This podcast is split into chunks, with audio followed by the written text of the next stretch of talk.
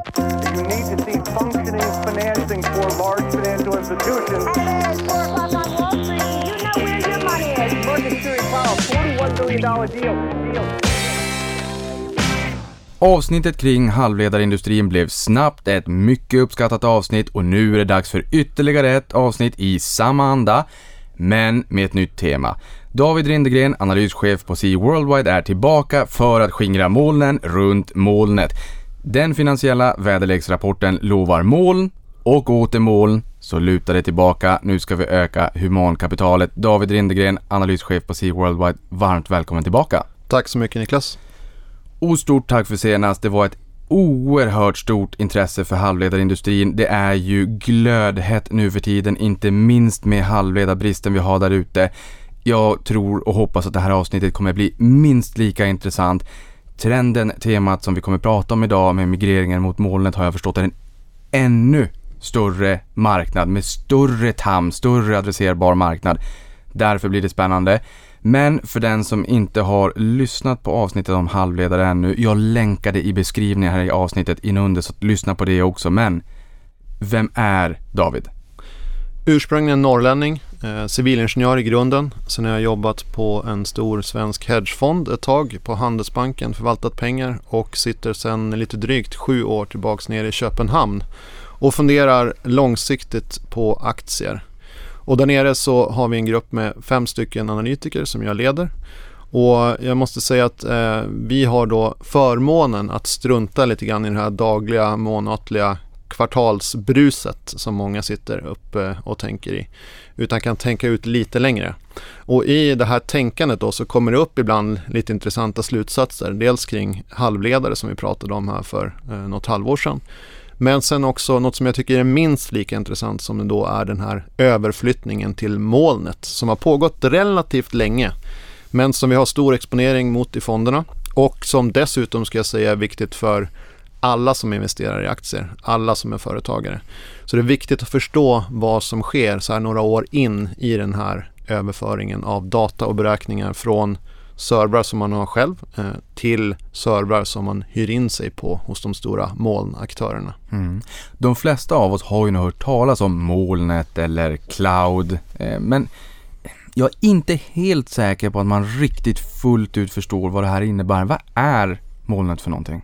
Ja, men molnet är ett intressant begrepp för att det är nästan lite medvetet luddigt vad det är eh, som, som namnet eh, gör gällande så att säga.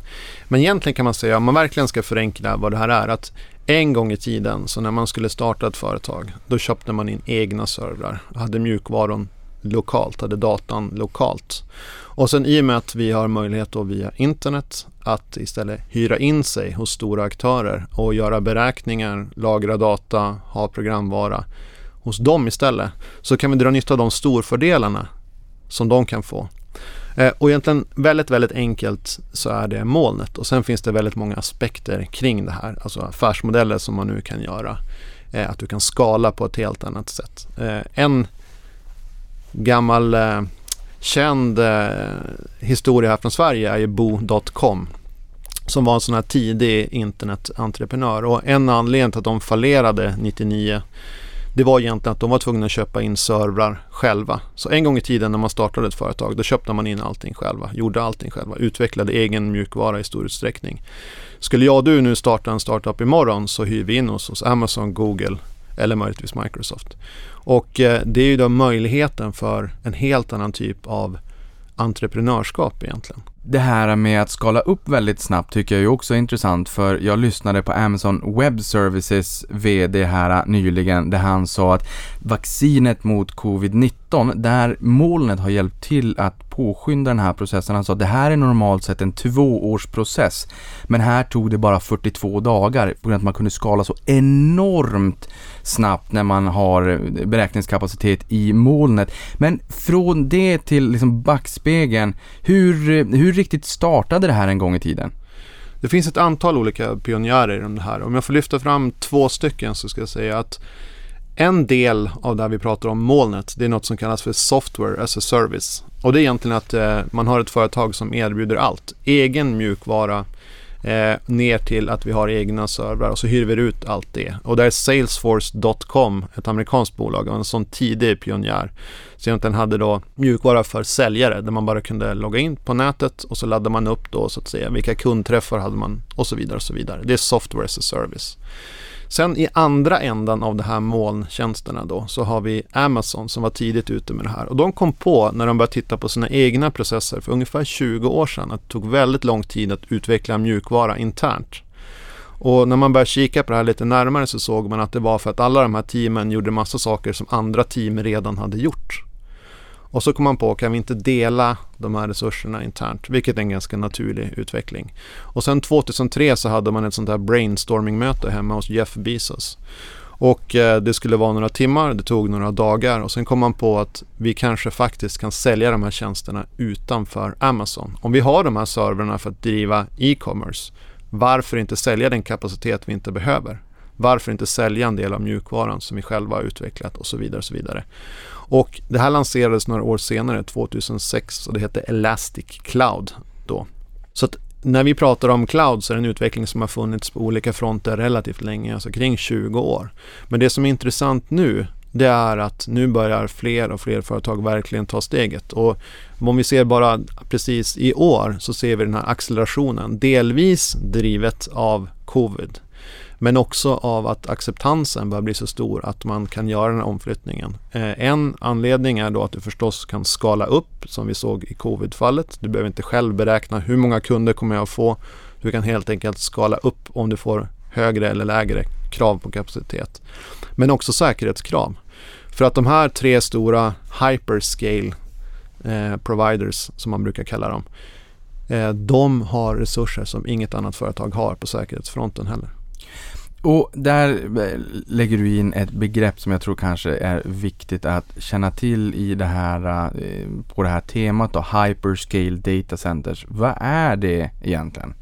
Det är nästan lika luddigt som molnet. För att om man tittar på de datacenter i USA som kallas för hyperscale. Alltså egentligen kan man säga att de är väldigt stora och avancerade. Så finns det ungefär 600 sådana.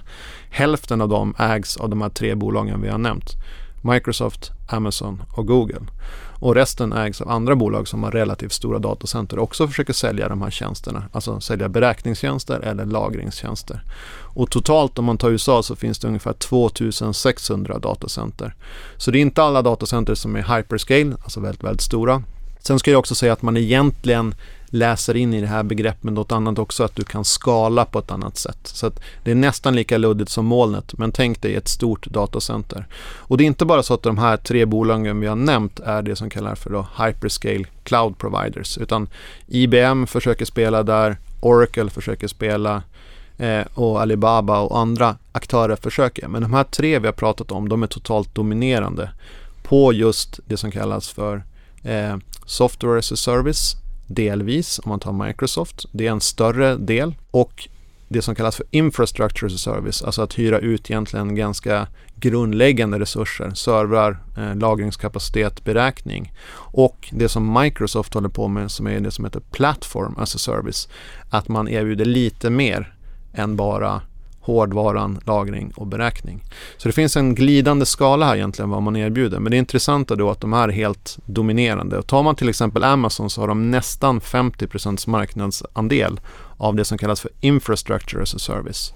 Tittar vi på Microsoft som erbjuder lite mer, närmar sig lite mer det här software as a service, det som kallas för platform as a service, så har de nästan 30% marknadsandel. Och där ligger de alltså före Amazon som var pionjären och före också Google. Och Google är en avlägsen trea i båda de här delarna av det vi kallar för molnet. Ja, och de här begreppen kommer vi att komma in lite mer på strax för jag tänker mig att det är väldigt, väldigt viktigt att ha koll på de här olika delarna. Det finns ju väldigt många akronymer i den här världen. Jag satt och preppade inför den här podden och insåg att förutom de här stora akronymerna så finns det jättemånga underliggande eh, där ute. det, det, är mycket kunskap, ehm, vilket är också spännande såklart. Men du menar ju att potentialen i migreringen mot molnet är lika stor som den globala energiomställningen som vi nu bevittnar, alltså enorm. Berätta. Ja, men det är det som är intressant när man tittar på storheten här. Om vi, om vi börjar till exempel i halvledare som är väldigt hett just nu och som vi pratade om. Så det är en marknad på ungefär 500 miljarder dollar per år. Sen är det viktigt att man skiljer vad en marknad är just nu och vad en adresserbar marknad är. En adresserbar marknad är en marknad några år ut vad man tror att den här nuvarande marknaden kan växa till. Och tittar man på halvledare så trots att det är hett så växer det okej, okay, 7-8% per år. Men när man tittar då på eh, energiomställningen så är det mycket svårare att få en känsla för storleken på den. Eh, jag vet att Princeton har räknat på det här och de, de säger att det kommande decenniet så kommer det att läggas ner i den här eh, resan mot net zero så kommer det att läggas ner ungefär 2 triljoner till 2,5 triljoner US-dollar. Så 200 miljarder till 250 miljarder US-dollar per år i USA. Och skalar man upp det globalt då, USA BNP tror jag är 16% av global BNP eller något liknande. Skalar man upp det eh, så skulle det betyda att vi ligger där på en och en halv, strax under 2 triljoner US-dollar per år. Sen har vi då, det är energiomställningen. Sen har vi varje år investeringar i egentligen vår eh, energiinfrastruktur på ungefär 1,92 triljoner US-dollar. Men det intressanta är om man jämför det här då, så många beräknar det här cloud transition eller omställningen till molnet. Så brukar man börja med vad är global IT-spending? Vad lägger man på IT globalt?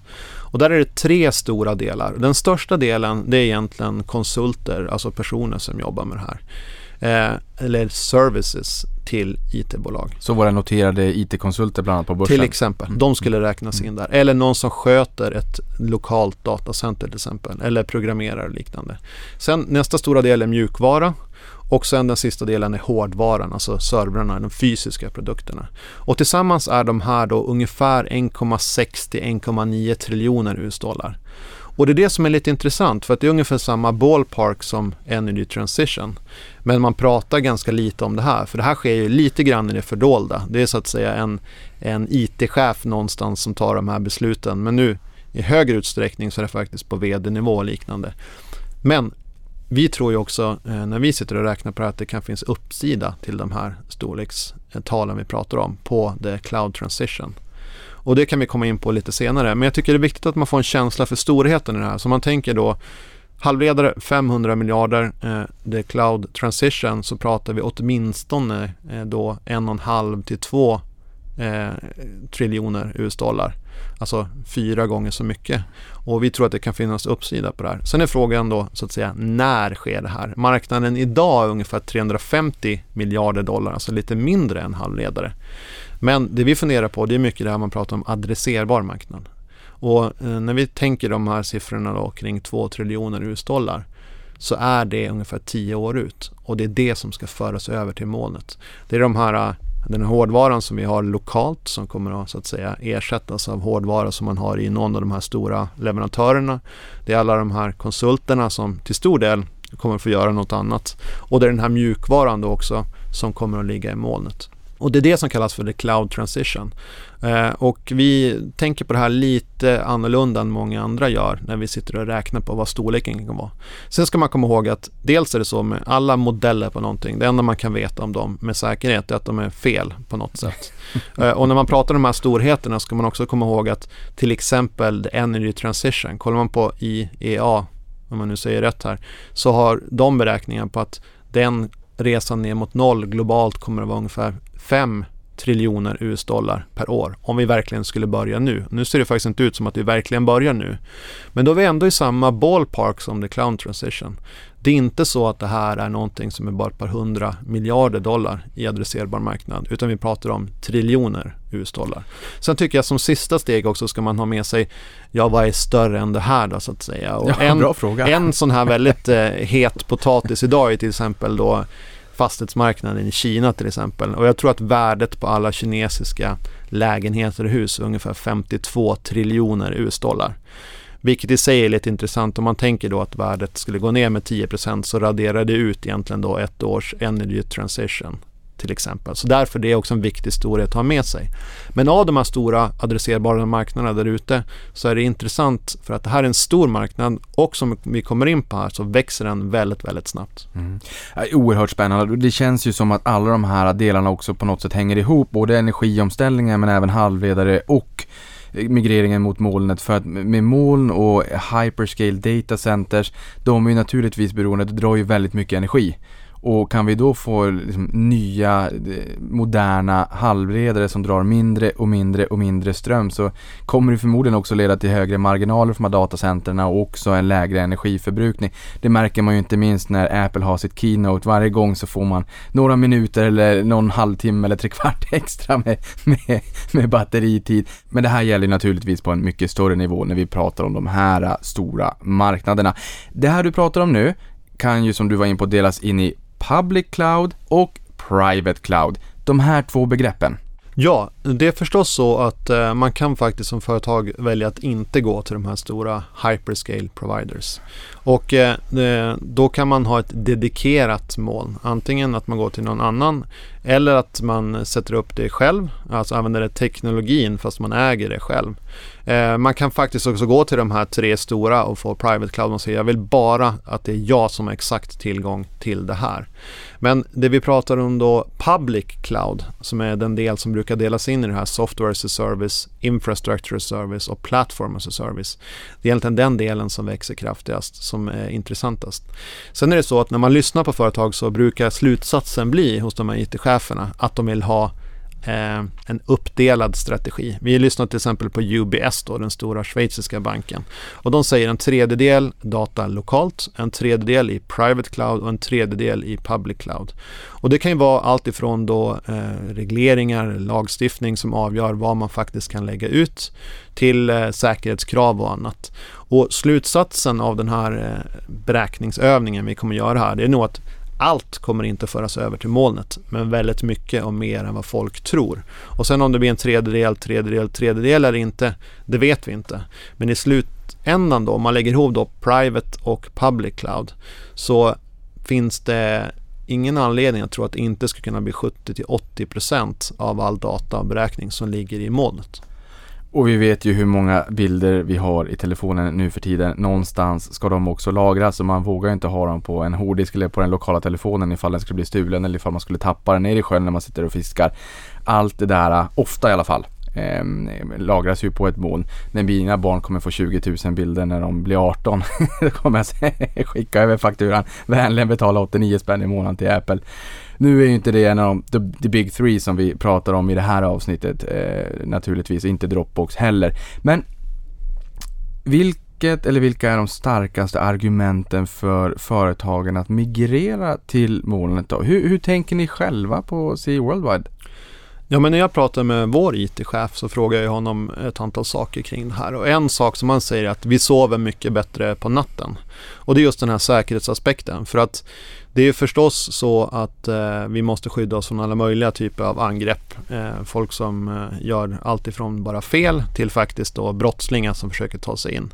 Och säg att man då skulle göra allting själv så måste du då förstås ha koll på alla de här detaljerna, alla de här möjliga säkerhetsluckorna själv.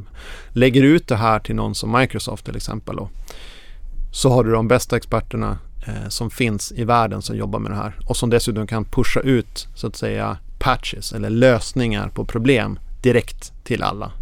Och det är en stor anledning. Sen som vi var inne och pratade om så är hela den här att du kan skala upp eller ner.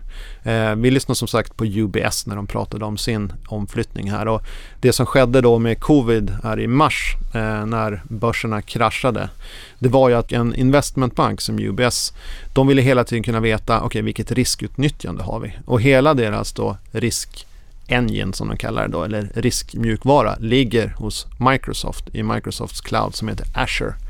Vilket gör att de kunde hela tiden skala upp kapaciteten. När VIX då, eller skräckindex som man brukar prata om, volatiliteten går upp väldigt kraftigt.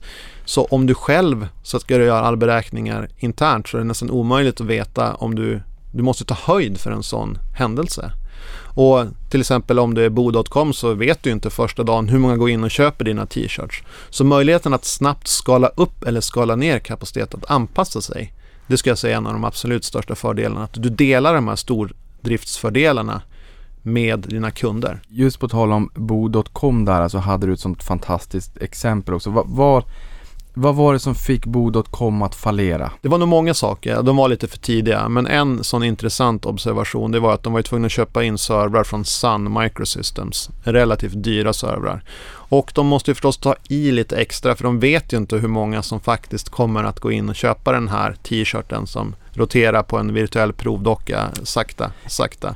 Eller, eller på ett Avanza där vi fick den, den hetaste börshandeln i mannaminne någonsin under mars 2000 under coronakraschen. Och det var ju inte bara i Sverige, det var ju globalt, Nasdaq är ju global aktör. Vi har ju aldrig någonsin sett en sån frenetisk handel som vi såg i fjol och alla var tagna på sängen.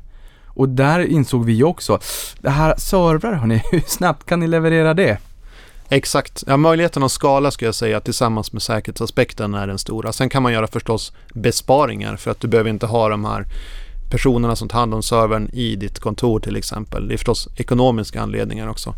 Men sen möjligheten att skala är nog en av de absolut viktigaste. Eh, och eh, tar vi till exempel då Eh, covid så är det massa sådana sällskaper, nu säger, pratar jag danska här, massa sådana företag som behövde skala upp väldigt kraftigt. Sen kunde det vara allt möjligt från paketleveranser eller du skulle köpa något Foodora eller vad det nu kunde vara för någonting som inte visste att det här skulle ske men som kan skala upp väldigt, väldigt snabbt just för att deras mjukvara, deras data ligger inte lokalt. Det ligger hos någon eh, hyperscale provider, det ligger i molnet. Sen tillbaka till bo.com, en sån intressant observation det var att eh, de hyrde bland annat in då gurkasoldater, vilket de blev kritiserade för, vilket man kan tänka sig som investerare. Vad är det för någonting? Gurkasoldater, det är egentligen då eh, i jag ska säga rätt här nu, Nepal så finns det ett antal regementen med elitsoldater som är kända för mod eh, bland annat och har slagits i brittiska imperiets alla stora krig. Eh, och de hyrde in då gurkasoldater eller före detta gurkasoldater som livvakter. Och när man fick frågor om det här, eh, jag har läst det här några gånger, så frågar man varför har ni gurkasoldater? Och då sa man, ja men det är för att vakta våra servrar. Sen vet jag inte om det stämmer eller inte, men det sa man i varje fall. Och alla de här kostnaderna, gurkasoldater eller inte kring de här servrarna kan man ju slippa om någon annan tar hand om dem. Och dessutom då en sak som vi pratade om lite grann tidigare, att man kan få de här uppdateringarna direkt istället för att du lokalt som serveransvarig eller IT-ansvarig ska hela tiden uppdatera eh, dina servrar så får du det bara direkt uttryckt i molnet istället.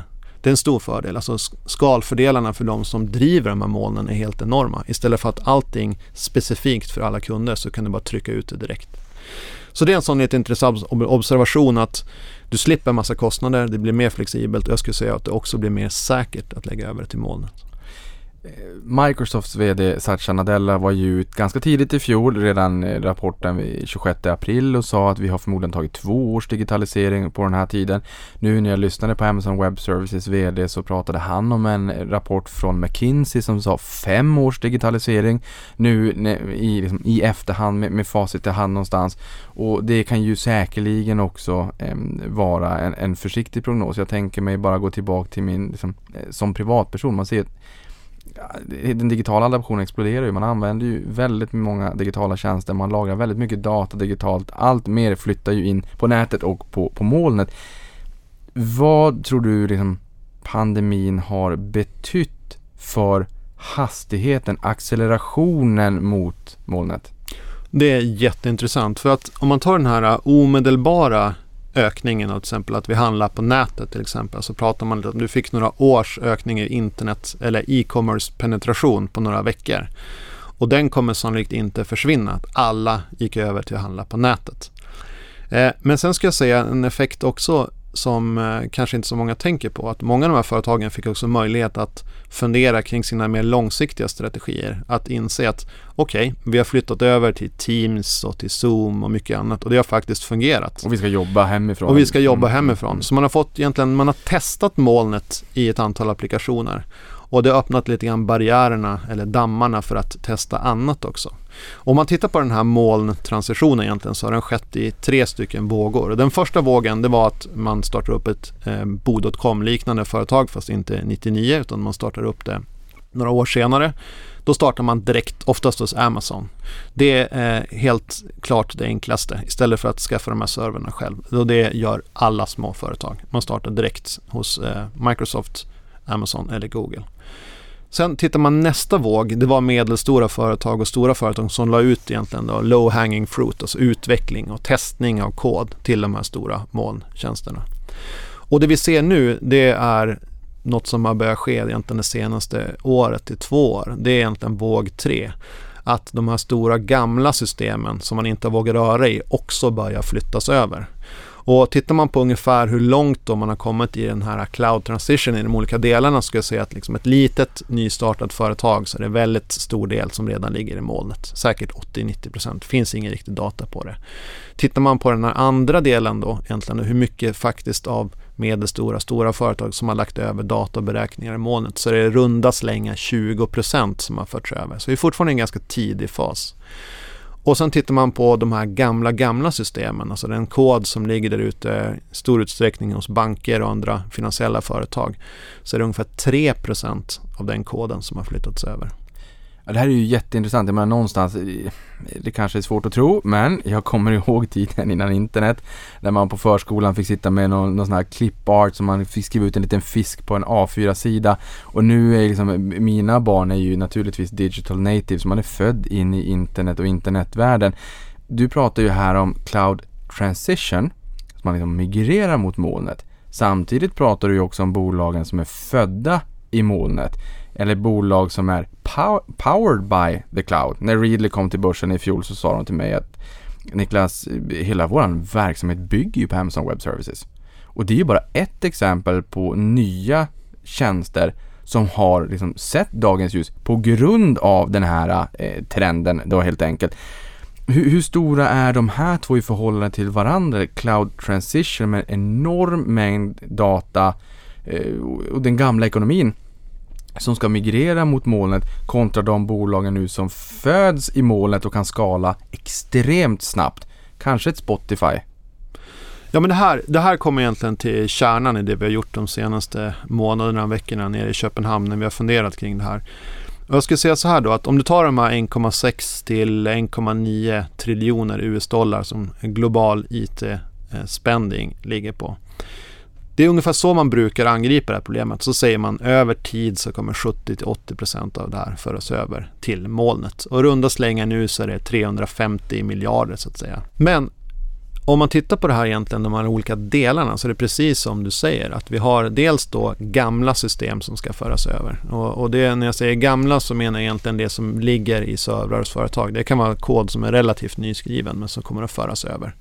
Och när vi gjorde den här beräkningen innan covid eh, och det var Mårten Springborn i mitt team som gjorde beräkningen så tänkte han sig att det här skulle börja accelerera 2020 och det gjorde det faktiskt också och nu var det inte så på något sätt att vi förutsåg att det skulle komma en pandemi men det var de här eh, företagen som har kommit till mognadsgraden att börja accelerera överflyttningen. Och den drevs egentligen två saker. Dels då att man la över mer än utveckling och testning i de här stora till medelstora företagen.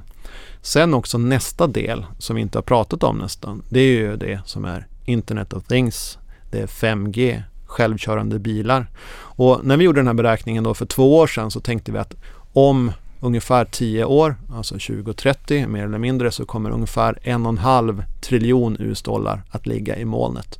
Ungefär 1 triljon eh, var de här gamla existerande systemen och 500 miljarder dollar var de här nya tjänsterna som vi egentligen bara börjar se lite grann nu.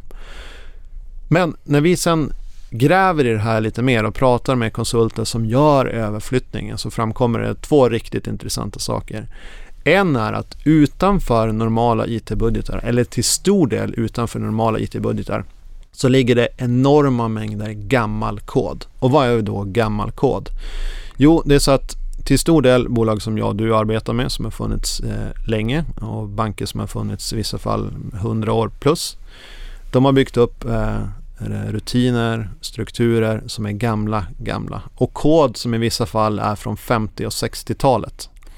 Och totalt så beräknar man eller uppskattar man att det finns ungefär en till två triljoner rader gammal kod där ute. Jag kan inte ens sätta in det i en kontext. Det är väldigt svårt att föreställa sig en triljon av någonting. Eh, men, men eh, det intressanta är då att om vi tänker att det är en till två triljoner gammal kod som finns där ute som är skriven i COBOL och annat.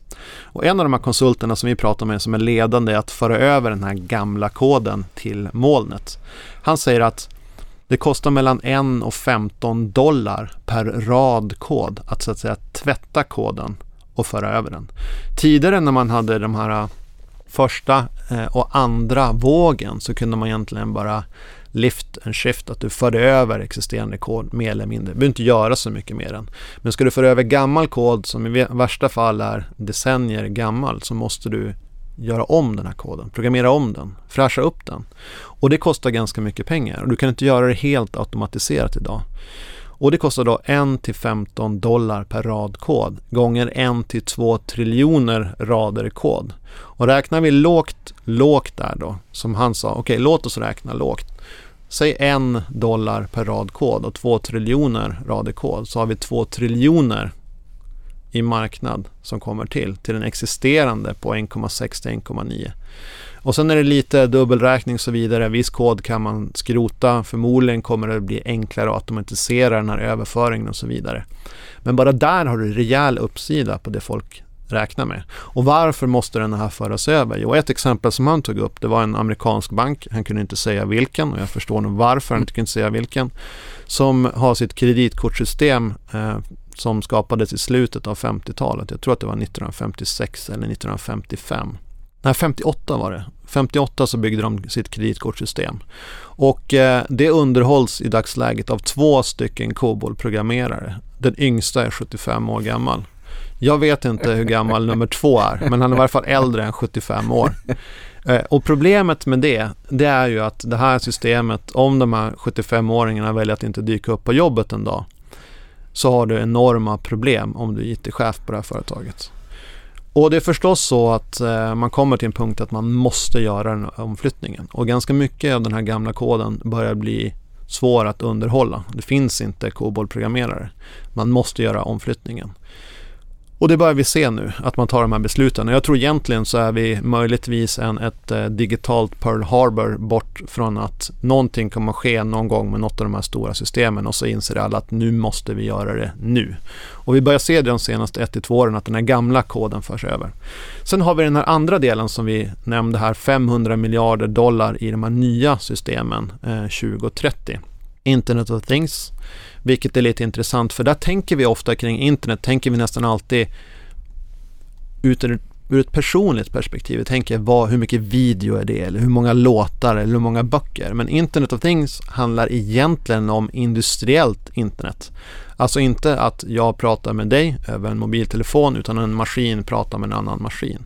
Det är ganska svårt att uppskatta där, eh, men där finns det ju miljardtals maskiner uppkopplade och man tror att datamängden i världen kommer att sluta eh, till, på 175 zettabytes eh, 2025. Och då frågar man sig, vad är en zettabyte? Ja, jag pratade nyss om one trillion, eh, one trillion eh, kodrader så att säga. Jag kunde inte sätta det i kontext och nu kommer du med zettabytes. Ja, problemet är också att varje gång man försöker förstå vad är en zettabyte och jag tror att det är 10 upphöjt till 21 bytes, vilket inte säger någonting, inte för mig, inte för gemene man.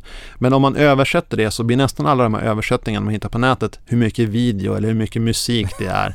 Men ska man översätta då 175 zettabytes, jag har satt och räknat på det här någon dag, så blir det egentligen att varje invånare på planeten har 620 HD-filmer eh, så att säga i nedladdade någonstans. Och, och, det är förstås otänkbart att det faktiskt blir så. Och den här datamängden kommer till stor del vara det som vi inte sysslar med som personer. Om man tänker kring riktig digitalisering, det är ju inte att jag tar ett papper och skannar in det och läser det på en skärm. Det är ju att det är möjligtvis att jag skannar in ett papper och jag aldrig någonsin läser det eller någon annan läser det. Att det bearbetas så att säga digitalt hela vägen istället för att mina ögon ska titta på det här och göra ett beslut. Och det är där mycket av datan kommer att komma. Och sen självkörande bilar förstås. Eh, det är allt ifrån data som vi kanske genererar när vi sitter i bilen och har massa tid över men förstås att bilarna ska prata med varandra. Och eh, dessutom då 5G som gör Internet of Things möjligt. Alla de här teknologierna är precis i startfasen. Och när vi pratar med en av de konsulterna som jobbar med den delen av molnet så säger han så här. Vänta nu David, jag tycker att ni tänker fel eh, i den finansiella sektorn när ni funderar kring det här. För att när vi kommer till 2025, alltså egentligen bara om ett par år, när all kod skrivs i molnet direkt, precis som det du talar om, att det inte är gammal kod som flyttas över. Då kommer vi få en explosion i produktivitet, explosion i kod. Och då har du möjlighet att använda artificiell intelligens, machine learning och annat direkt när du gör koden direkt, som du säger, native i molnet. Och lägger du de här två effekterna på varandra så får du ytterligare då uppsida till vad folk tänker när man tänker den gamla IT-budgeten var X, en viss procent ska föras över. Och sen nästa steg i det här som jag tycker är lite intressant det är också Microsofts VD var ute i början av året så säger han så här att på tio år så kommer Global IT Spending gå till 5, från 5 av en global BNP till 10% Så där har du en baseffekt också att vi kommer att lägga mycket mer. Eh, och lägger man ihop de här effekterna så får man att förmodligen är den här marknaden mycket större än vad folk tror. Och vi tror ju att en anledning att man ser den här då accelerationen i år är covid, men en annan är att man börjar se effekterna av all den här andra datan som genereras som ska föras över. Ja, men jag tycker att det där är så spännande. Jag, menar, jag märker ju bara själv i min familj hur, hur vi lägger mer av tid och plånbok på digitala varumärken och jag skrattar varje gång det kommer rapporter för, för de stora techbolagen. Därför att de har ju blivit totalt dominerande. Jag menar i USA när man frågar, frågar sig vissa i fjol hur kan det vara så att börsen inte tar mer stryk under pandemin? Och naturligtvis när man släckte lampan för världsekonomin och vi inte visste och vi famlade i mörkret så tog allting stryk och då blir korrelationen 1 för det mesta. Men jag menar vi har ju en enorm eh, liksom, koncentration av digitala bolag i den amerikanska ekonomin och det tillhör ju någonstans framtiden. Det är inte bara att jag lägger mycket tid och plånbok på det här. Som du säger, när, när liksom datorerna börjar eh, prata med varandra. Det måste bli en massiv ökning av data. Jag kan inte tänka mig någonting annat. Och dessutom ska vi också komma ihåg att det är varannan människa på planeten som har internetaccess. Så att vi ska bli fler på planeten och det är faktiskt rätt många människor som inte har internetaccess idag. Du pratar ju om den här totala adresserbara marknaden och det befintliga migreringen mot molnet och kan erbjuda någonstans en, en kagger på 15 till 20 procent om året som det är och sen var du ju in på alla de här nya teknologierna med självkörande fordon, edge computing, internet of things, 5G, kvantdatorer och allt vad det är. Är det det här Microsofts VD Satya Nadella ser när han säger att det kommer att öka från 5 till 10 % av BNP? Och då ska vi komma ihåg att BNP också stiger ju. Exakt, du har ju en baseffekt i att BNP går upp eh, förhoppningsvis några procent varje år. Ja, men det är det vi tror. Och det intressanta med alla de här tre bolagen är att de investerar ju också eh, efter den här visionen, att de ser någonting komma. Och eh, en annan sån här liten observation som vi pratade på jobbet här eh, senaste veckan, det var att om man tittar på de investeringar som många av de här stora IT-bolagen gör så är vi uppe också i enorma summor. Vi pratade om halvledare förra gången. Och då nämnde tror jag TSMC som investerar 33 miljarder dollar varje år i fabriker för att göra halvledare. Och där sa du ju också att de faktiskt ger en guidance som är mycket längre nu än vad det varit tidigare. Jag tror du pratade om tre år, det har inte hänt tidigare. Du sa att det är någonting som lurar i görningen. Ja men exakt, och de brukar guida på capex som man sätter då, eller capital expenditures, att du investerar de brukar guida ett år ut och första gången så har man guidat tre år ut 100 miljarder över tre år, alltså i snitt 33 miljarder dollar per år. Och för att sätta det här i någon form av relation till någonting annat så historiskt sett så det bolag som har lagt mest på investeringen det är Saudi Aramco, alltså det stora oljebolaget som har legat kring ungefär 30 miljarder dollar i investeringar. Men tittar vi nu bara på det senaste kvartalet vad de här stora internetjättarna pratar om så ser vi att Facebook säger att de kommer investera kring 30 miljarder dollar. Eh, vi kollar på Google och eh, Microsoft som ligger i liknande regioner. Och Det är ganska intressant att man är uppe nu, vi kan prata om halvledare och nya oljan och här ser vi faktiskt också vad investeringarna börjar komma upp i oljestorlek så att säga. Eh, och alla de här investeringarna görs ju för att man ser någonting komma. De stora cloudjättarna ser ju någonting komma. Eh, och en annan investering som också man inte pratar så mycket om det är faktiskt att bygga den här fysiska infrastrukturen. Så tittar man på till exempel Google så Google äger 17 stycken sådana här eh, kablar under världshaven. Totalt så finns det 440 lite drygt sådana här kablar. Google äger 17 och bygger flera hela tiden. Microsoft tror jag har fyra eller fem, Amazon har fyra eller fem, Facebook eh, är delägare i tio. Så när man tänker på molnet så är det kanske inte bara något eh, fluffigt där ute så att säga. Utan det är allt ifrån den här upplevelsen att som du säger att man har bilderna i telefonen. Det har man ju egentligen inte. Utan Nej. de ligger ju i molnet. Exakt. Men också infrastrukturen bakom. Sen om det är eh, så att säga en telemast eller om det är en server som står någonstans eller om det är en datakabel som går under Atlanten. Och det intressanta med alla de här investeringarna är att man springer ju ifrån alla andra. Om du kan investera 30 miljarder dollar per år så är det väldigt, väldigt, väldigt svårt för någon att komma ikapp. Och tittar man på de investeringar som finns till exempel på Microsofts balansräkning så är vi närmare 100 miljarder dollar i IT-utrustning, i eh, mark och liknande. Och det är väldigt, väldigt svårt för någon annan att starta upp nu och komma ikapp den här typen av investeringar. Ja men när man pratar om, eh, om eh, bolag så pratar man ju ofta om, om vallgravar. Warren Buffett pratar jättemycket om vallgravar. Elon Musk är inte lika mycket fan av det. Han pratar mer om innovation och, och, och eh, investeringar i forskning och utveckling. De kanske på något sätt ändå går hand i hand på något filosofiskt sätt kan jag än- ändå tycka. Du har ju sagt att loppet är kört. Jag skulle säga att som konkurrent så är loppet kört. Eh, Och det intressanta med det här är också att du har Amazon är ju pionjären eh, på något sätt. Och sen så har du Microsoft som nu utmanar Amazon delvis. Och sen har du Google som en avlägsen trea egentligen. Och sen har du en svans med mindre aktörer. Oracle, IBM, Alibaba och, och så vidare. Men även för dem är det väldigt, väldigt svårt att komma ikapp. Och jag tycker det är en allmän sån här observation man kan se från i år att när någon börjar få de här typen av skalfördelar inom eh, teknologi och IT nu så är det väldigt, väldigt svårt att komma ikapp. Vi såg Intel till exempel som var ute och guidade förra veckan och sa vi ska också investera 30 miljarder dollar i att bygga fabriker som TSMC. Och, och de var ner 10% för att man tror inte att de kommer komma ikapp. Och det ser ut som att de här ettan, tvåan och trean har cementerat den ledningen. Eh, datakablar, investeringar, förstås kunskap och ingenjörer och så vidare. Och det är väldigt, väldigt svårt någon annan att komma ikapp det här. Det, det är nästan omöjligt ska jag säga. Men, men det här känns ju lite grann också som en, en tickande bomb, det vi pratar om, den här banken på Wall Street och det här kreditsystemet. Jag vet att en stor del av, av eh, gammelbankerna i Sverige, inget ont om dem. Eh, de har ju varit eh, fantastiskt värdeskapande för hela svenska ekonomin över tid för att finansiera eh, välfärd och tillväxt och hela det samhället vi har byggt upp naturligtvis. Och de investerar ju också för framtiden, men man har en teknisk skuld och det bygger ju alla upp. Och jag förstår här och har förstått att det här COBOL, eh, det är jättemycket i svenska banksystemet som är kodat med, med COBOL. Hur stor tickande bomb är det här i samhället? Det känns som någon form av digital pandemi som vi sopar under mattan och som ingen vill ta tag i men där, där någonstans kommer vi komma till en väldigt brutal insikt. Ja, när vi pratar med de här experterna så säger de just det att eh, det finns inte egentligen kapacitet hos dem heller, alltså de här konsulterna som hjälper till att föra över den här gamla koden till molnet.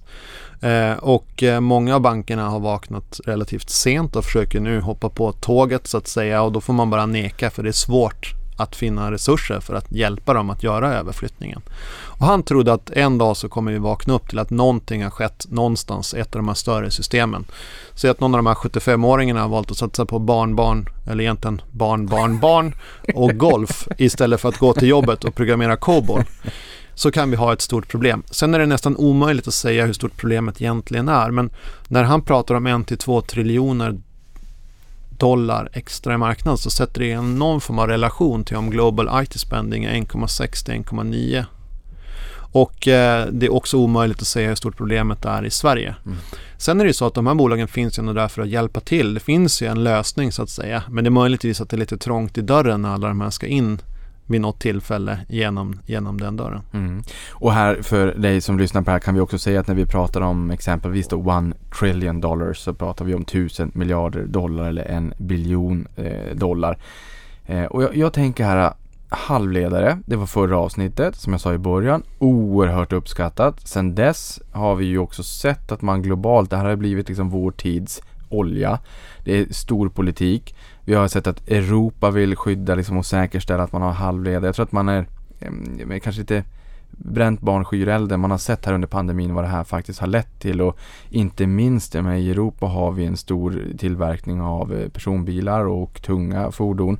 Det här har ju skapat jättestora utmaningar för bolag och man har varit tvungen att friställa personal och man har varit tvungen att låta personal vara hemma när man har stängt produktionslinjer och allt vad det kan tänkas vara. Vi vill inte komma hit igen till, till den här utmaningen.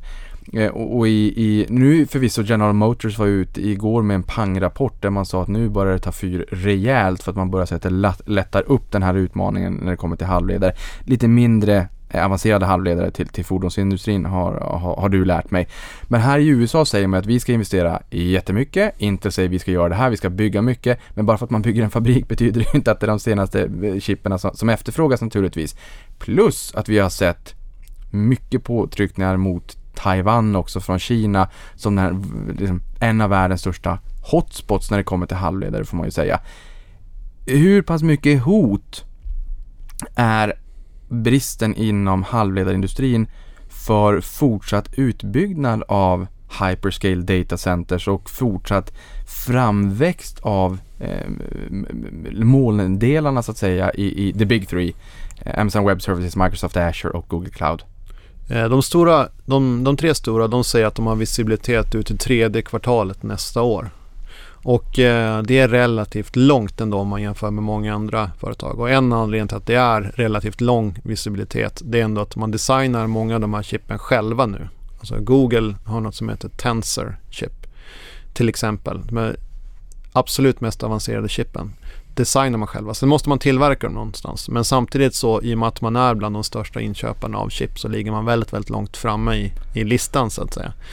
Eh, men ja, det skulle kunna teoretiskt sett bli ett problem när man ska bygga ut de här serverhallarna och liknande att det inte finns tillräckligt med kapacitet. Och det enda de tre stora kan säga är att de har visibilitet till tredje kvartalet. Andra tredje kvartalet har jag hört nästa år. Så att eh, det fin den finns där men det kan vara ett sånt problem. Och tänker man kring riskerna rent allmänt för den här cloud transition då så det är ju en i närtid så att säga men egentligen så visar den bara på efterfrågan för den här. Efterfrågan för elektronik och den data som skapas ska bearbetas någonstans. Så det är egentligen en positiv sak. Men ja, på medellång sikt så skulle det kunna bli ett problem. Sen om man tittar övriga problem så skulle det faktiskt kunna vara så att det finns då en brist på folk som kan hjälpa till med den här överflyttningen. Det behövs fortfarande en del handpåläggning att göra eh, en överflyttning av de här mer avancerade problemen, alltså personalbrist kort till medellång sikt. Det är egentligen också ett problem, visar bara på hög efterfrågan. Mm. Så när man tänker på de två stora allvarliga riskerna ska jag säga att Samtidigt som säkerheten ju blir högre, att du har de bästa experterna som tittar på din säkerhet för att din data, din applikation ligger hos Microsoft, Google eller Amazon. Så är det ju så att vid något tillfälle så kommer det bli en större breach. De som försöker ta sig in här, det är ju inte jag eller du som sitter och trixar på kvällen utan det är ju då antingen extremt professionella hackers eller då nationer som försöker göra det här. Och det pågår ju hela tiden. Eh, sen det andra stora hotet ska jag säga också är att någonstans så kommer det kanske börja regleras där. Att man till exempel från europeiskt håll så tittar man på det här relativt kritiskt att de tre stora dominerande aktörerna det är amerikanska bolag. Sen ska jag säga att det finns sätt att komma runt det här och ett sätt för amerikanerna att komma runt det här det är att ha förstås lokala datacenter. Om vi lyssnar till exempel på UBS så har de två stycken datacenter i Zürich och Genève. Så skulle något hända med Genève kan de gå till Zürich och de tittar också på att lägga till Google som en backup egentligen då så man kan föra över banken till Google. Eh, och det är ett krav i många fall att datan ska ligga eh, i, inom landets gränser. Och det kan de här stora amerikanska jättarna göra för de har den skalan att göra det. Och i fallet med UBS till exempel att de valde Microsoft var till stor del att Microsoft kunde till skillnad från Google erbjuda två stycken datacenter i Schweiz istället för bara ett som Google kunde göra. Så att den, den aspekten är viktig, att någonstans kommer politiker att komma in och börja fundera kring det här. Och eh, förmodligen mer europeiska politiker än amerikanska. Men allting som blir väldigt stort, väldigt dominerande, väldigt mäktigt drar sig till en del eh, kritiska, eh, så att säga, kritiska blickar från politiker. Och det här är inget undantag. Sen ska jag säga att en skillnad mot till exempel ett Facebook till exempel som ju tar data och monetariserar datan, egentligen säljer vad jag eller du tittar på eller skriver och så vidare. Det är en helt annan affärsmodell än ett Microsoft som tar mina och dina Excel-ark och lagrar dem och skyddar dem. De utnyttjar inte och säljer förstås inte vad David för estimat för cloud transition till någon. Då skulle de vara out of business. Utan det är precis tvärtom. De ska ju skydda vår data istället för att monitorisera datan. Mm. Så att det finns ett annat skydd där ska jag säga. Och sen om man tittar lite grann kring det här också, om man börjar fundera miljöhänseende till exempel. Så det cloud transition gör, det är ju några saker. Jag ska säga en som vi har pratat om att utnyttja kapacitet mer effektivt. Och det är i grunden egentligen ett smartare sätt ur miljösynvinkel än att alla ska köpa extra kapacitet, extra metall och vara beredda då på att kanske får vi fler kunder som tittar på den här t-shirten. Men också faktiskt om man tänker ett steg djupare så till stor del är det här att ersätta fysiska produkter med mjukvara. Så en gång i tiden då köpte jag datorspel. Då gick man och köpte en skiva i en butik och sen åkte man bussen hem eller tunnelbanan hem eller bilen hem och så sen installerar man det här lokalt på sin dator. Nu laddar man ju ner det istället eller spelar det direkt i molnet. Och det intressanta med det, det är förstås att det har tagit bort en massa koldioxidutsläpp. Det har tagit bort den här anledningen att göra den här fysiska skivan, att skeppa den någonstans. Så i grunden ska jag säga att cloud transition, att göra fysiska saker digitala, är ju bra för miljön. Så där tappar man ju också lite grann kanske ammunition om man är en politiker, försöker komma åt dem från det hållet. Och den sista delen i det här, det är också förstås att många av de här datacentren kan ju skriva upp sig på väldigt långa kontrakt att säga vi kommer att köpa eh, grön energi här under många, många år och hjälpa till med the energy transition. Att vara en stabil inköpare av 100% grön el. Mm. Jag tror att de som lyssnar på det här också, en del i alla fall känner till Cloud Act och det finns ju också ett, en, en dom här i ett fall som heter Schrems 2. Där kan jag väl säga att den som är intresserad av det, googla på det och eh, läs mer helt enkelt om det här. Eh, det är SCHREMS, så Schrems 2-fallet eh, och domen. Men Cloud Act, jag menar, vi sitter ju med i samma båt. Och vi är enormt beroende av molnet. Vi har sett många svenska företag, vi pratar om här in, inför inspelningen, liksom tech startup-boomen i Sverige, som i mångt och mycket är powered by the cloud. Det, hur ska man tänka här? Jag menar, problem är till för att lösas. Det är ju en, i min värld, vattentäta skott mellan västvärlden och Kina. Så att deras mål lär vi kanske inte se att eh, Bodens kommun lägger sin data i. Men hur, hur ska man tänka kring regulatorisk risk, Cloud Act?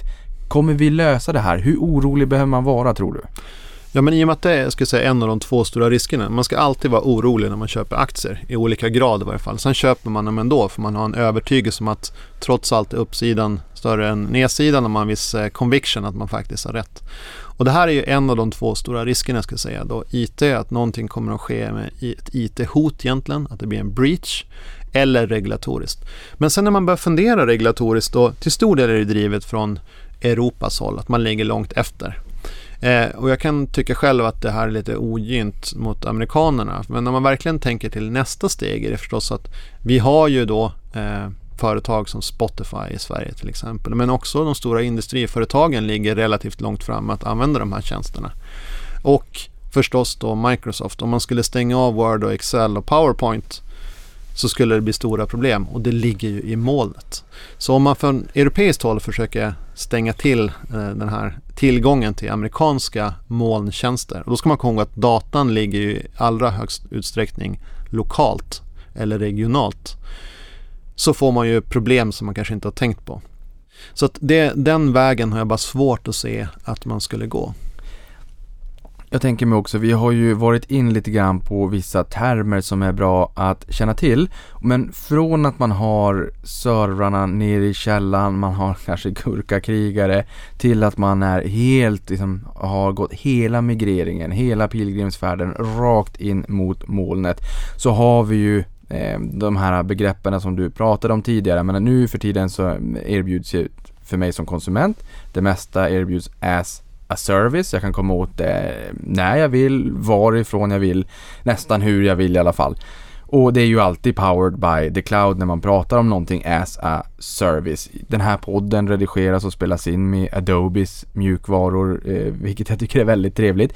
Eh, när man ska ha koll på de här begreppen, från gurkakrigare on-site nere i källan. Eh, och sen kan man tänka IPS, individuellt pensionssparande. Eh, det vill säga att Infrastructure as a Service, IAAS, som du var in på. Eh, PAAS, Platform as a Service och SAS, Software as a Service. Där är man helt 100% i molnet. Kan du bara guida oss igenom den här resan från on-site till IAAS, till PAAS, till SAS? Ja men det kan jag göra och de här begreppen är ju lite trixiga eh, och eh, de är kanske lite krystade också möjligtvis. Men om man, om man lyssnar på den första här då, att ha allting lokalt så brukar man säga att det är on-premise, alltså på ägorna om man skulle översätta det egentligen rent eh, ordagrant. Och det är förstås att vi har servrarna i källarna, vi har IT-teckningar här, vi har vår egen mjukvara eh, och egen data lokalt. Sen nästa steg, det som egentligen då Amazon lanserade som började funderas kring 2003 hemma hos Jeff, Jeff eh, Bezos och sen lanserades 2006-2007. Det var Infrastructure Service. Att du egentligen hyr in dig på serverplats kan man säga, lite förenklat. Och det är där de är dominerande med nästan 50 procent. Och det var ju första steget för många. Samtidigt ska man säga i samband med det så fanns det många som till exempel Adobe som gjorde en sån här omflyttning till molnet eller Software as a Service som det kallas. Att man då erbjuder Photoshop till istället för att det ska piratkopieras hit och dit så kan du bara komma åt det genom att komma åt mjukvaran att logga in hos Adobe. Det är Software as a Service, så det är andra spektrat av den här egentligen att ha det on-premise. Och så sen det som ligger mellan Infrastructure as a Service och Software as a Service. Det är den här tredje delen, Platform as a Service. Du erbjuder lite mer, det är lite högre marginaler och här är till exempel Microsoft dominerande. Så att den distinktionen är ganska bra att ha känsla för. Jag tycker också att det som är intressant med mitt jobb det är att man går till jobbet varje dag och lär sig nya grejer. Jag skulle säga också som vanlig privatperson eller privatinvesterare faktiskt begrepp man bör känna till eller förstå. Och tänker man kring storleken kring de här då så är ju software as a service störst. Eh, sen kommer infrastructure as a service och sen kommer platform as a service. Eh, och eh, software as a service marknaden är relativt, det finns ganska många olika bolag där. Du nämnde Adobe, eh, Salesforce.com och så vidare och så vidare. Men tittar man på infrastructure as a service och platform as a service är de väldigt, väldigt konsoliderade. Och Platform as a Service som då ligger närmare Software as a Service, du erbjuder lite mer än Infrastructure as a Service, har högre marginaler. Och tittar man till exempel då på Microsofts marginaler så ser man att de är på väg kraftigt uppåt för att du erbjuder då dels egen mjukvara, Software as a Service, alltså Word, Excel, PowerPoint, men också Platform as a Service som har högre marginaler än de här andra två delarna, Infrastructure as a Service. Okej, okay, så Platform as a Service har högst marginaler? Software as a Service har högst, för då gör du allting. Då loggar du in och du editerar din podd. Eh, och det här är ju generellt och det kan ju skilja sig. Men generellt så Software as a Service och Platform as a Service har högre marginaler än Infrastructure as a Service. Eh, och jag tycker det här med marginalerna är lite intressant och, och nu vet jag så, vi nämnde en zettabyte 10 upphöjt till 21. Och då kanske vi tappade, då kanske vi tappade hälften av, av lyssnarna här. Jag hoppas inte det. Och en risk, eh, varje gång man skriver en bok sägs det att man tappar hälften av läsarna om man använder en ekvation.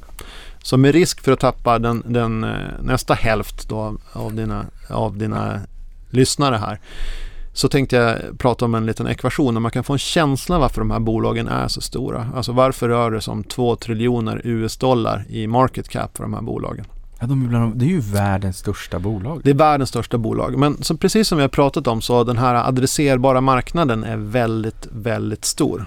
Och en intressant bok som jag kan tipsa om här nu när man börjar fundera på julklappar och annat. Det är en bok som heter Seven Powers. Och jag tror vi har pratat om den någon gång förut. Men den handlar egentligen om att eh, titta på barriärer för företag eh, så att konkurrenter inte kan ta sig in och fördela företag i ett, egentligen ett ramverk i de här seven powers, sju stycken då krafter som ett företag kan ha. Och där pratar han som har skrivit den här boken, han pratar om en ekvation som jag tycker är lite intressant att ha i bakhuvudet. Så håll i er här nu för nu kommer det en ekvation.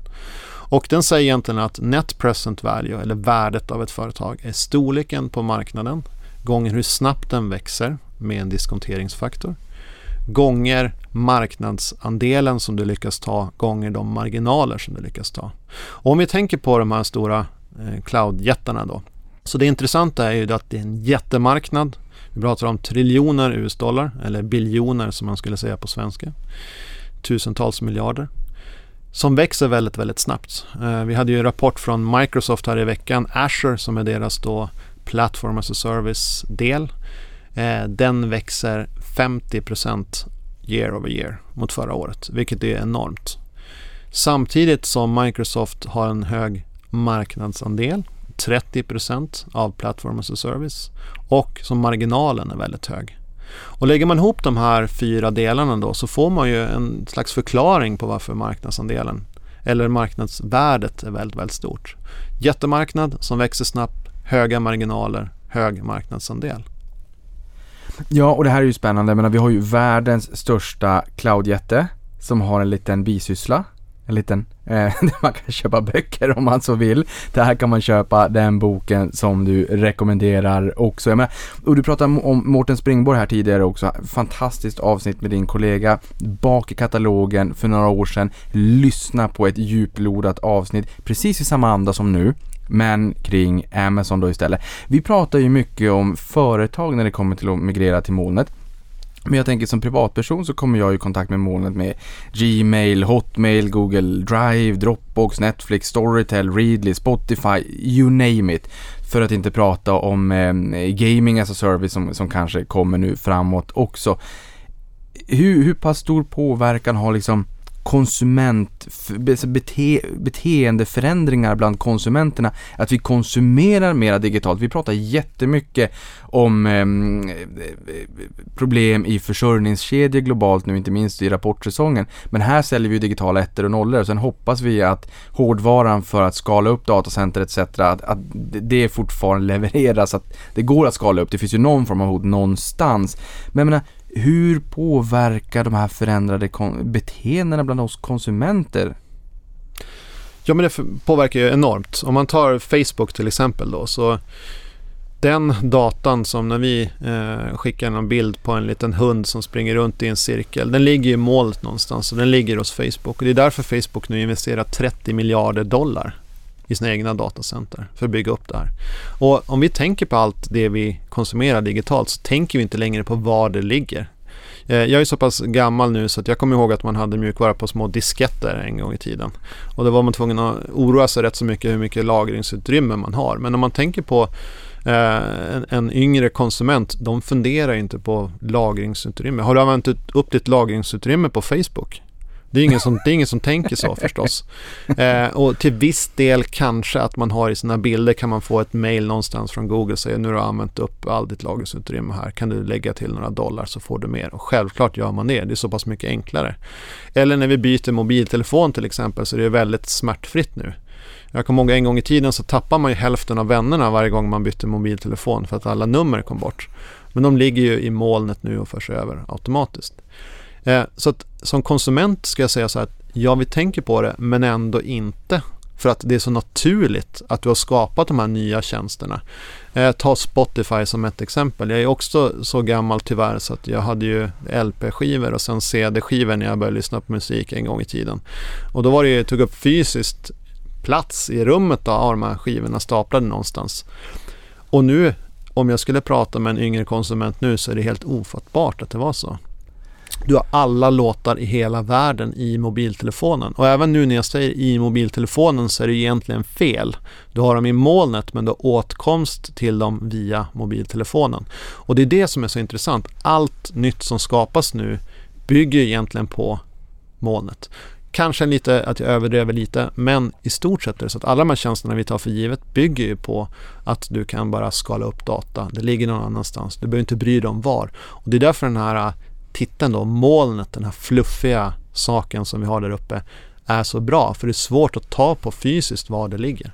Ja, och det där har jag också noterat när jag kollar i telefonen, när jag kollar på bilder så är de lite smågryniga en sekund och sen så blir de skarpa och då inser jag att det är, det är anledningen till varför jag kan ha 17 000 bilder i telefonen är för att det är en liten thumbnail och sen så ligger det på molnet och sen vill jag klicka på just den bilden så tankar den ner en lokal till, till mobilen och sen så kan jag se bilden. Eh, jag är, eh, det är dumt att säga så, jag är lite yngre än dig kan man väl säga, men jag kommer åtminstone ihåg 1,44 megs disketterna, 3,5 tums disketterna.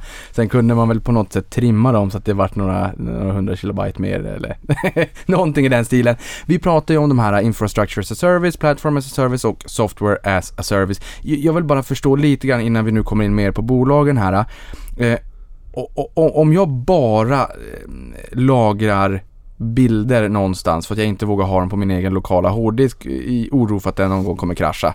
Skulle man då kunna säga att det är infrastructure as a service, men om jag använder Dropbox exempelvis och sen går över till att använda Dropbox Papers där jag kollaborerar och kanske skriver ett manus till någonting, kanske tillsammans med en kollega som sitter inne i samma dokument samtidigt, typ som Google Docs. Att blir det då så att man snarare går över till Platform as a service?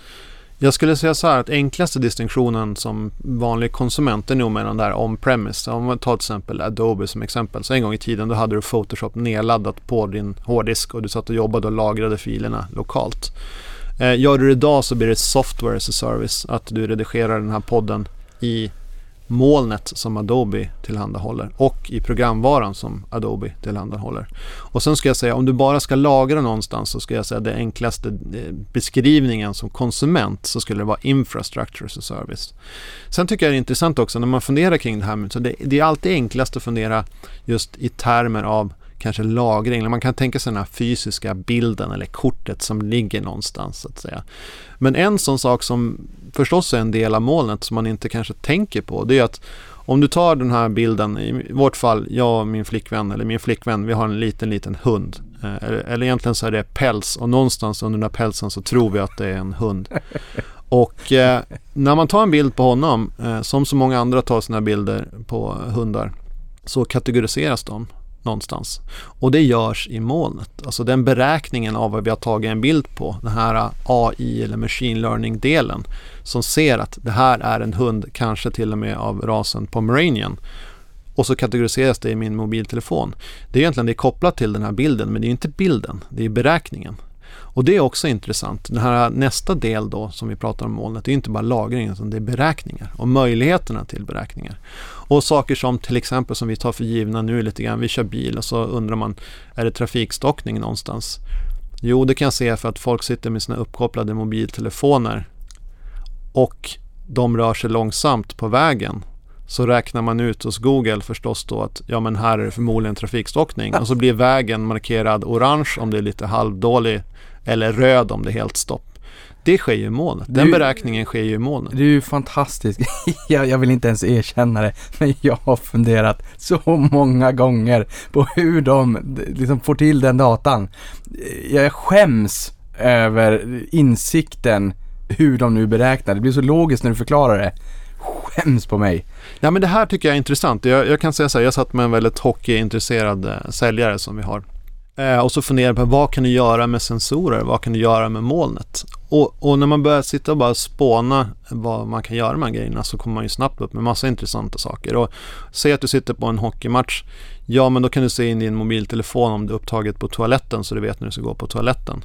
Eller kön till eh, popcorn Eh, maskinen. Eller för den delen till exempel om du har en sensor i pucken eller klubban eller skridskon. Vem har mest tryck eh, i åkningen? Eller vem skjuter det snabbaste skottet i realtid? Alla de där grejerna finns ju, kanske någon som har funderat kring det, men finns inte än. Men med sensorer, sen via möjligtvis via 5G och sen molnet, så kan du få all den här datan. Och det är ganska snabbt som man kommer upp med de här nya affärs modellerna eller användningarna för det här. En sån grej som finns, om man tar SAS till exempel, som jag flyger med en hel del ner till Köpenhamn. Varje gång man sitter i, i taxin eller flygbussen på väg till flygplatsen så undrar man oh, hur mycket kö är det? Och när man väl kommer fram till flygplatsen så finns det en liten skylt som säger att ja, det är 15 minuter kö. Ja, det är bra att veta. Och det är sensorer som känner av och beräknar hur lång kö det är. Men nu finns det också möjlighet att se det i appen. Så att jag i taxin kan se, ja men det är 15 minuters kö, ja men då är det inga problem. Och sådana små saker underlättar väldigt mycket för oss konsumenter och det är ju sensorer som är uppkopplade och det faktum att SAS använder Microsofts Azure som gör det här möjligt. Eh, och man tänker inte riktigt på de här små grejerna men det kräver då molnet för att göra de här Det är sakerna. helt fantastiskt. Jag tycker hela den här trenden är ju oerhört intressant. Jag menar, under den senaste tiden, senaste året, pandemin, så har vi pratat jättemycket om komponentbrist, halvledarbrist, energikris, stålpriser, råvarupriser, fraktrater. Allt det är en enorm utmaning, inte minst när fabriker i andra länder ligger på lågt kapacitetsutnyttjande. Det spelar liksom ingen, in, inte riktigt 100% roll i alla fall hur pass många som är vaccinerade i Sverige eller i USA om det är så att man i Vietnam eller Malaysia eller Bangladesh etc har lokala utbrott där man stänger ner, där man inte går till jobbet i fabriken och tillverkar Nikes skor. Ja, då blir det inte jättemånga skor köpta av amerikanska konsumenter. Världens största ekonomi, två tredjedelar av ekonomin är ju konsumtion så att säga. Världen är sammankopplad. Det är vad jag har lärt oss här. Lean production har varit jättebra, det funkar tills det inte funkar längre. Vi har aldrig stängt ner världen på det här sättet. Nu har vi gjort det, vi har en kollektiv erfarenhet här. Det man pratar om kanske, det är ju hur kan vi liksom säkerställa försörjningskedjor i framtiden? Kanske inte beroende av en leverantör, utan kanske flera. Vissa flyttar hem produktionen också.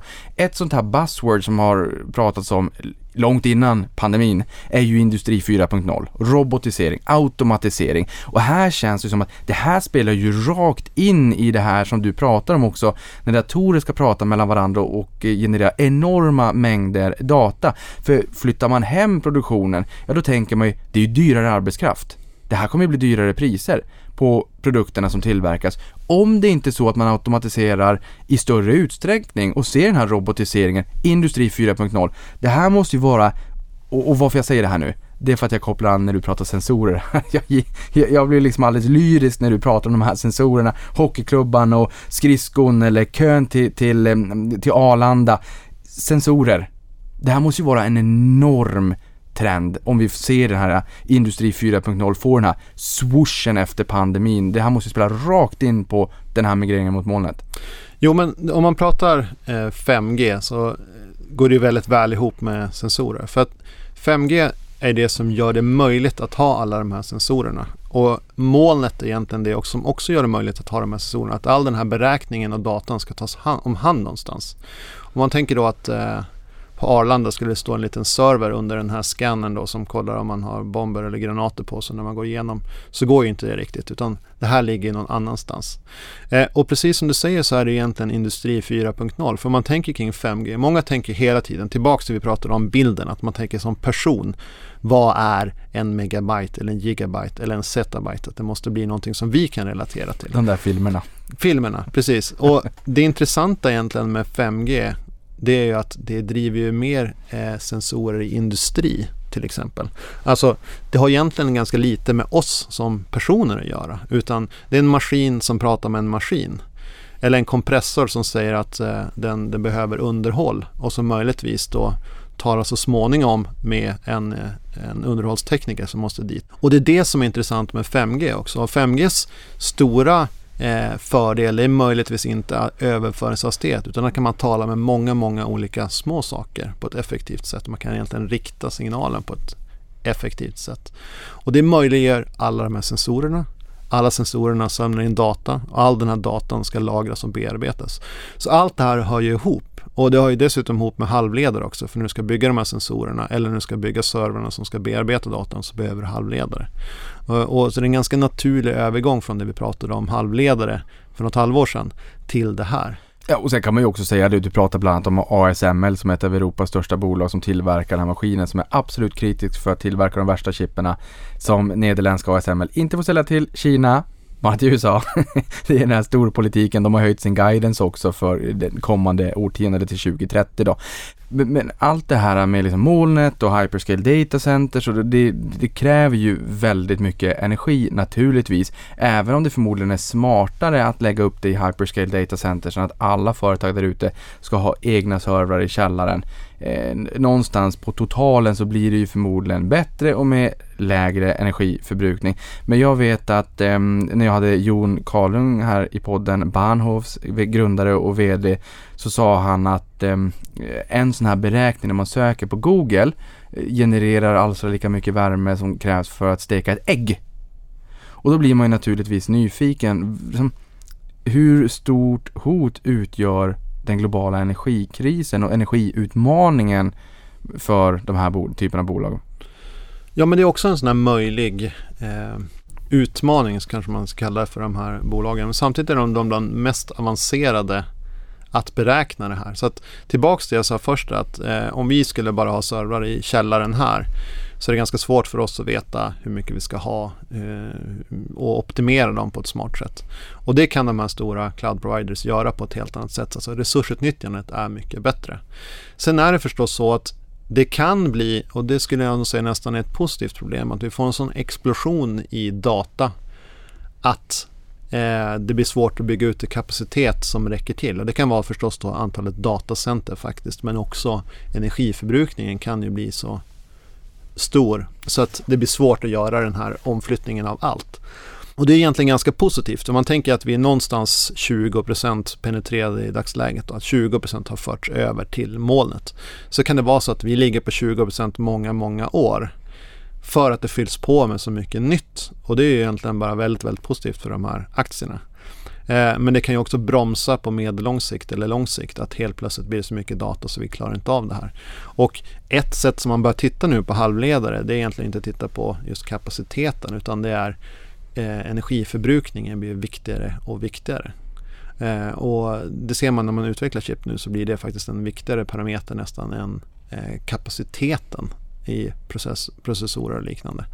Så att ja, det är lite en utmaning. Samtidigt så ska man komma ihåg som sagt, de kan då optimera. Google, jag vet jag hade något sånt väldigt berömt exempel där man tog sin egen machine learning och AI och optimerade egentligen då, lät datacentret fundera kring det här själv mer eller mindre. Hur man skulle optimera resursutnyttjandet. Eh, och fick ner energiförbrukningen dramatiskt som egentligen bara de kan göra. Och eh, där har man eh, så att säga ett problem, men det är ett mindre problem att göra den här vägen än att alla skulle ha servrarna. Och sen som vi var inne också på ska jag säga, vad gäller grön energi så kan de här skriva långa kontrakt om att få eh, tillgång till det. Och eh, jag vet att Google som ligger långt fram på det här, jag skulle säga längst fram de tre stora, de är inte under årets alla timmar eh, drivna helt av grön energi. Som ett snitt över året är det det. Och det beror ju på att i vissa regioner till exempel så är det väldigt svårt. Om du bygger ett datacenter i Asien är det inte säkert att du har vindkraft i samma utsträckning som du gör i Danmark till exempel. Så att det finns den typen av problematik. Man har varit då över årets genomsnitt som har varit helt gröna ett bra tag, sedan 2017 tror jag. Och jag vet att man har så att säga köpt, eh, Eh, köpt sig fri så att säga från det sen, sen eh, betydligt längre än så. Men målsättningen är bland det mest aggressiva jag sett. Att det är att komma ner till varje timme dygnet runt att använda bara grön energi. Du menar ju att migreringen mot molnet bjuder på en högre avkastning till lägre risk jämfört med exempelvis energiomställningen eller halvledarindustrin. Så högre riskjusterad avkastning. Berätta, för jag menar, man funderar lite grann. Man vill höra dig säga att tåget inte har gått. Det skulle jag definitivt säga att det inte har gjort. För att den här migreringen är inget som sker på ett eller två eller tre eller fem år. Utan det här är decennier vi pratar om. Så tåget har definitivt inte gått. Och jag skulle också säga att om man bara tar den här 20% överfört än så länge enligt de bästa uppskattningarna. Så förmodligen är det så att vi kanske kommer att ligga på 20% längre än vi tror för det fylls på med så mycket data. Så att tåget har inte gått. Eh, det har det definitivt inte. Och när du pratar om det här lägre risk och större marknad också. Så det vi försökte göra det var att sätta in det här i relation till de här två andra sakerna vi har pratat om. Egentligen bara för att de hör ihop och det är heta ämnen just nu. Så att vi målade in i en fyrfältare som alla ingenjörer och konsulter gillar eh, de här tre stora sakerna. Och tittar man då på storleken som vi har pratat om så är det närmare 2 triljoner US-dollar eller biljoner om man pratar svenska. Eh, som vi tror att den här marknaden är. Alltså lite större än vad folk tror och förmodligen finns det uppsida till det av de här anledningarna vi har pratat om.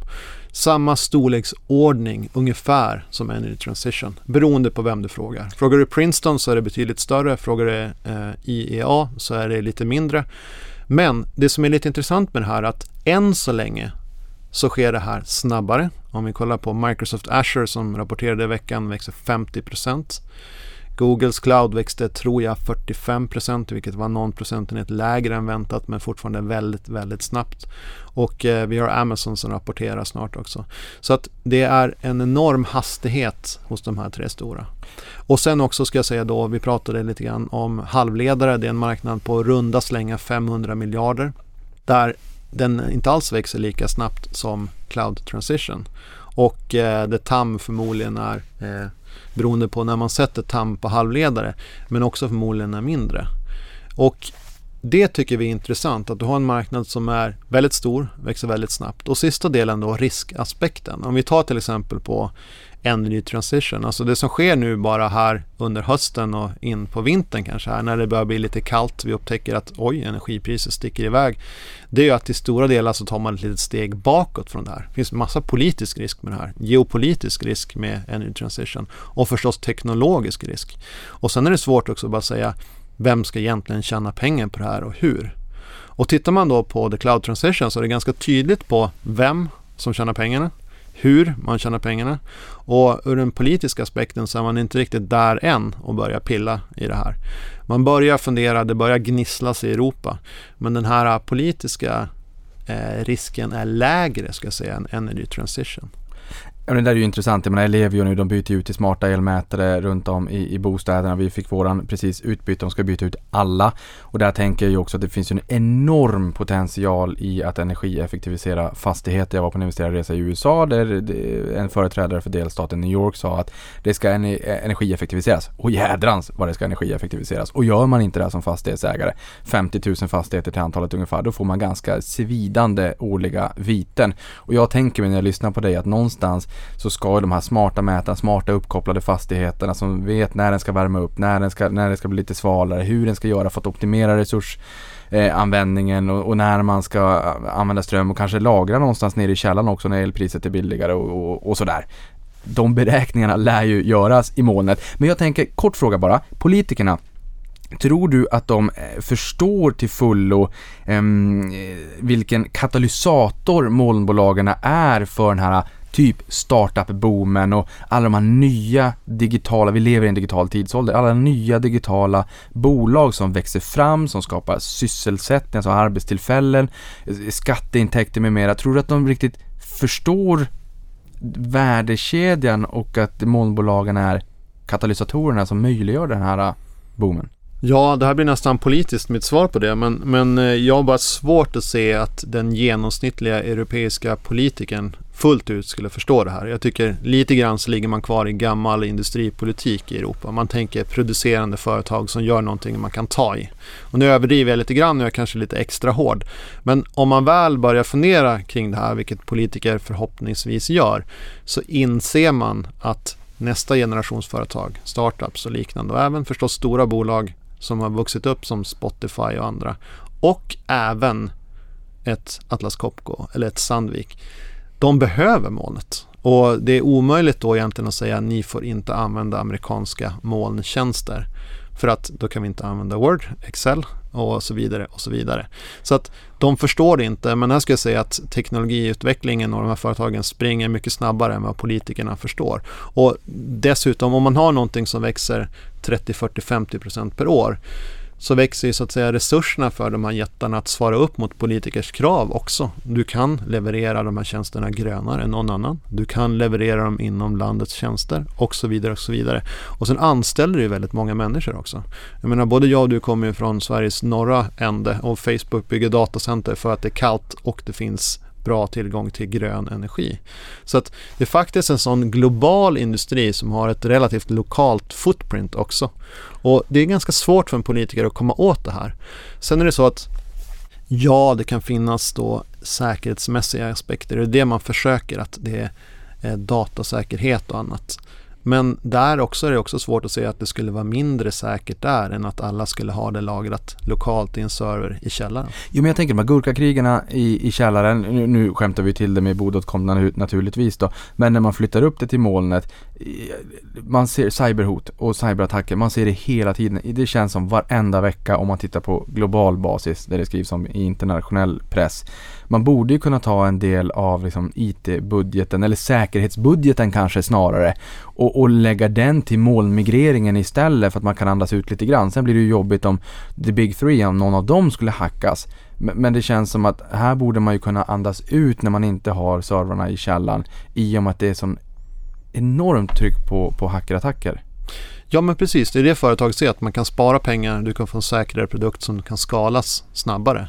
Så att det är bara svårt att ha bra argument mot det här annat än möjligtvis geopolitiska eller kanske att det är konstigt om tysk data skulle lagras av ett amerikanskt företag. Mm. Men eh, jag tror att i, på medellång till lång sikt så segrar förnuftet eh, och man är tvungen att leva med det här. Det går inte att stänga av i dagsläget. Och sen ska jag säga också lite grann som du säger så en intressant sak med många av de här digitala affärsmodellerna är att man får tänka på ett nytt sätt. Att helt plötsligt frigörs det resurser från till exempel att du måste ha dina egna servrar eller egna IT-täckning och så vidare till annat. Att göra nya saker, tillväxt istället för att skydda någonting. Tar man till exempel digital eh, marknadsföring. Så en gång i tiden så gjorde ju företag så här att man helt enkelt sa vi tror att vi kommer omsätta 100 nästa år. Låt oss lägga 10% av det på marknadsföring. Och så visste man inte riktigt vad man fick för avkastning på den här marknadsföringen. Men med digital marknadsföring så vänder man ju så att säga den här affärsmodellen på sin ända genom att säga vi kan se exakt vilken avkastning vi får på den här investeringen. Så varför ska marknaden, så att säga, den maximala tammet vara 100 att du lägger hela din, eh, din budget eller hela din omsättning på marknadsföring. Ja, men nu kanske är två eller tre gånger så hög för du kan se vilken avkastning du får på den på ett helt annat sätt. Du börjar på en annan del. Så du ökar ditt TAM. Och samma sak då när man ser omflyttningen till molnet så kan man se att många av de här affärsmodellerna ställs lite grann på ända att du kan spara så mycket pengar så du kan lägga det på utvecklingen, av nya tjänster istället. Tänka på ett nytt sätt. Eh, och det är det vi tror kommer att leda till den här verkliga accelerationen, att du gör saker direkt i molnet. Vi har ju pratat om the big three, eh, alla goda ting är tre. Naturligtvis när man har lyssnat på dig nu så känner man så här, okej, okay, det här låter spännande. Hur får man då kapital, eller hur kan man så att säga kapitalisera på den här trenden? Vi har pratat om Microsoft med Microsoft Azure, Amazon med Amazon Web Services och Google med Google Cloud. Och UBS har ju sagt att det här är en run rate på 113 miljarder dollar årligen i, i intäkter nu. Och, och jag menar, marknaden någonstans 350 miljarder tar vi där och kommer bli upp mot 1600 till 2000 miljarder här framåt. Växer 44 procent i årstakt. Som du sa, Microsoft och Alphabet släppte sina rapporter under veckan. Microsoft Azure växte 50 procent. Tar vi bort förra kvartalet så växte man sekventiellt jämfört med Q1 i år och Q4 eh, i fjol då och Google Cloud växte 45 procent, vilket du var in på. Eh, vad, vilket, vilken av de här är mest intressant och vilken är, liksom, vilken är ett pure play i störst utsträckning? Jag tror faktiskt att jag är förbjuden på att uh, rekommendera en enskild aktie, tyvärr. Då tar vi alla tre. Då tar vi alla tre. Och det är egentligen så vi har tänkt. Det är ett sånt här fegt svar på den här frågan. Ja, men kanske inte behöver vara så fegt ändå? Nej, inte så fegt ändå ska jag säga. För att om du tar uh, Amazon så är du ledaren på Infrastructure as a Service. Och sen får du mycket annat med Amazon. Du, du får ju förstås uh, en ökande del marknadsföring eller e-commerce-del också på köpet. Eh, så att du har den delen. Eh, du har subscriptions på Amazon, så du har mycket annat än cloud i Amazon. Sen är det så att om man tittar på andelningen, andelen av försäljningen i de här bolagen så är det fortfarande en liten del som är moln. Jag tror att Amazon är ungefär 13% av omsättningen som är måldelen. Men värdet är betydligt, betydligt högre. För att du har sådana enorma marginaler. Du förlorar pengar egentligen på att sälja saker hos, eh, hos Amazon. Eller Amazon förlorar på sin första parts och tredje parts försäljning. Men du har enorma marginaler på molndelen. Och vad har vi för marginaler där och vad, hur ser marginaltrenden ut? Eh, framåt, om du får gissa några år framåt? Ja, det är faktiskt en bra fråga för att det är svårt att lyfta ut det exakt. Men om man tittar på Amazons eh, marknadsvärde så ska jag säga att i runda slängar eh, så är molndelen 40% av värdet egentligen då. Någonstans där, beroende på vilka multiplar man vill sätta på det. Och 13% av omsättningen. Eh, så det är lite intressant att fundera i den, den delen. Samma sak om du tittar på till exempel eh, den minsta av de här tre stora aktörerna vad gäller moln. Om du tittar på Google så visar man ju förlust i molndelen. Men man ligger väldigt långt framme på AI och machine learning. Så kanske är det så att Google kommer bli den som accelererar i nästa fas. När vi verkligen, verkligen börjar skriva koden direkt i molnet så kommer Google att börja accelerera. Och tittar vi på det här kvartalet då, det är ju väldigt, väldigt kortsiktigt, men så växer ju Microsofts Azure växte 50%, Google växte 45% fast Google är mycket mindre. Så egentligen kan man säga då, då tar man inte marknadsandelar. Och det kan man ge viss kritik kring ett Google. Samtidigt så ligger de väldigt långt fram på de här nya teknologierna. Eh, och sen har du Microsoft då som förstås har egen mjukvara, alltså software as a service och står inom platform as a service. Så jag skulle säga att det fega svaret här egentligen att med eh, de här tre olika aktierna så får du lite olika eh, egentligen eh, du får olika delar av molnet om du investerar i de här tre. Och med Amazon får du förstås en del annat. Med ett Alphabet så förstår du, får du förstås också digital marknadsföring eller search. Eh, och Microsoft får du mycket annat också. Du får Xbox och du får så att säga den delen som inte är moln i Microsoft. Eh, så att du får en ganska god exponering i alla de här tre. Och det är ett fegt svar att inte behöva säga exakt vilken av aktierna man ska köpa. Men det är så vi har tänkt i vår globalfond. Ja, du får, du får ju allt det gotta där. Man förstår ju att den här branschen växer väldigt kraftigt så att det finns ju uppenbarligen marknad för de här tre. Vad gäller Google eller Alphabet också så är det klart att det är ju ett litet rebound case också på att man googlar väldigt mycket på resor. När man pratar om marknadsföring så mycket annonser är ju reserelaterade annonser och det har ju varit nedtryckt under pandemin så att där kan du få en liten, en liten trigger på uppsidan också. Det är ingenting som tynger i alla fall. Hur stor risk utgör de kinesiska aktörerna här tror du? Ganska liten risk utanför Kina. För att precis som du sa med, med Bodens kommun så kommer de aldrig att lägga vår data i Alibabas moln. Och jag tror att eh, om det är så att eh, europeiska politiker är kritiska mot amerikanska aktörer så kan jag bara tänka mig hur kritiskt som skulle vara om det kommer en kinesisk aktör. För det är mer eller mindre som att ge den här datan direkt i ja, kinesiska kommunistpartiet. Så där ser vi ganska lite hot och det är också lite intressant om man tittar på många av de här stora industrierna där ute så finns det alltid den här risken att kineserna ska göra det här. Elektriska bilar eller batterier eller vad det nu kan vara för någonting. Eller kullager eller något annat. Men det är ganska liten sannolikhet att vi i väst skulle då våga ha vår data i ett kinesiskt moln. Mm. Så att det är också en positiv aspekt på de västerländska molnaktörerna. Så det här, är, alltså, det här är några av världens största börsnoterade bolag. Men när man har lyssnat på det här avsnittet så inser man ju att vi har knappt lämnat perrongen i den digitala tidsåldern vi lever i och som nu växer fram. Precis. Vi är runda slänga 20% in i den här transition och den kommer att pågå i decennier. Och kanske är det så, vilket vore väldigt positivt, om man tänker kring det, att vi kommer att stå kring den här 20% in rätt så länge. Inte för att den har avstannat utan att det fylls på med så enormt mycket data från förstås alla de här eh, eh, tjänsterna som vi använder men också de här sensorerna. Att vi kommer att vara 20% penetrerade i the transition to the cloud längre än vad folk tror. Mm. David, Tusen tack för att du kom till podden och bjuder på din klokskap och din tid. Jag vet att det var oerhört uppskattat förra gången med halvledaravsnittet. Jag tror att det här kommer bli minst lika uppskattat. Jag hoppas du inte är avskräckt utan vill återkomma nästa gång du har grottat ner dig i ett riktigt tema. Jag älskar det, jag tycker att det är lika intressant varje gång. Tusen tack! Tack så mycket! Och stort tack för att du lyssnade på det här.